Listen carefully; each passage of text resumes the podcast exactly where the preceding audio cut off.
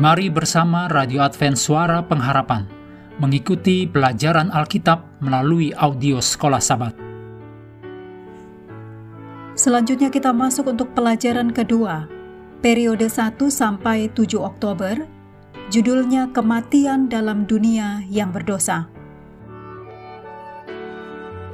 Mari kita mulai dengan doa singkat yang didasarkan dari Wahyu 20 ayat 6. Berbahagia dan kuduslah ia yang mendapat bagian dalam kebangkitan pertama itu. Kematian yang kedua tidak berkuasa lagi atas mereka. Amin.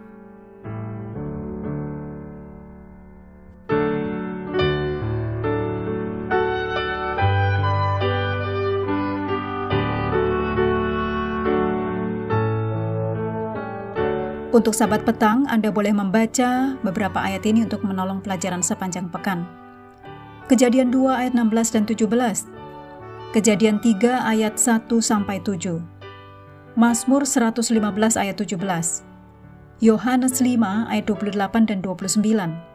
Roma 5 ayat 12 dan 2 Korintus 5 ayat 21. Ayat hafalan sepanjang pekan dari Roma 5 ayat 12.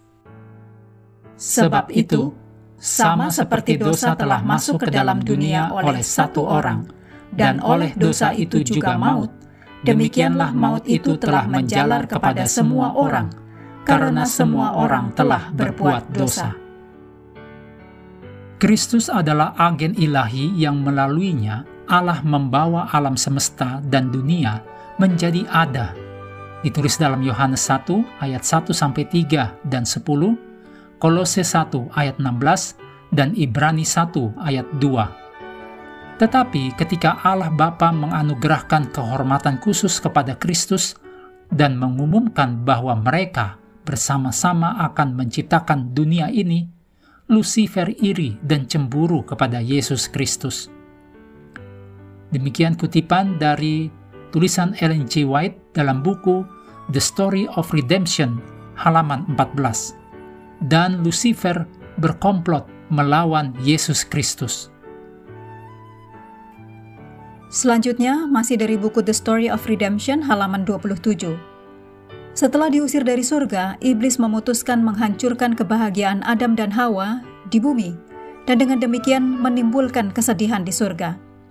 Iblis membayangkan bahwa jika dia bisa dengan cara apa pun memperdaya mereka, yaitu Adam dan Hawa, untuk tidak menurut, Tuhan akan membuat beberapa ketentuan di mana mereka, yaitu Adam dan Hawa, dapat diampuni.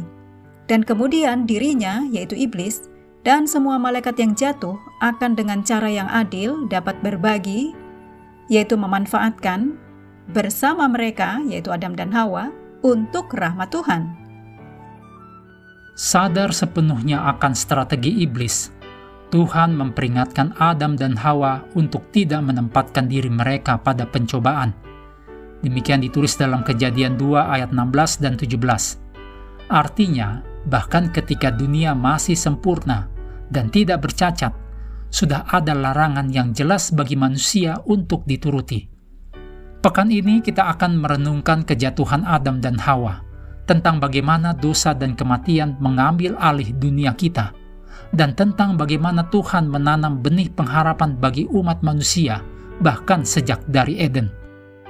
Hendaklah kita terus tekun mengambil waktu bersekutu dengan Tuhan setiap hari bersama dengan seluruh anggota keluarga, baik melalui renungan harian, pelajaran sekolah sahabat, juga bacaan Alkitab sedunia, percayalah kepada nabi-nabinya, yang untuk hari ini melanjutkan dari 1 Samuel pasal 25. Tuhan memberkati kita semua.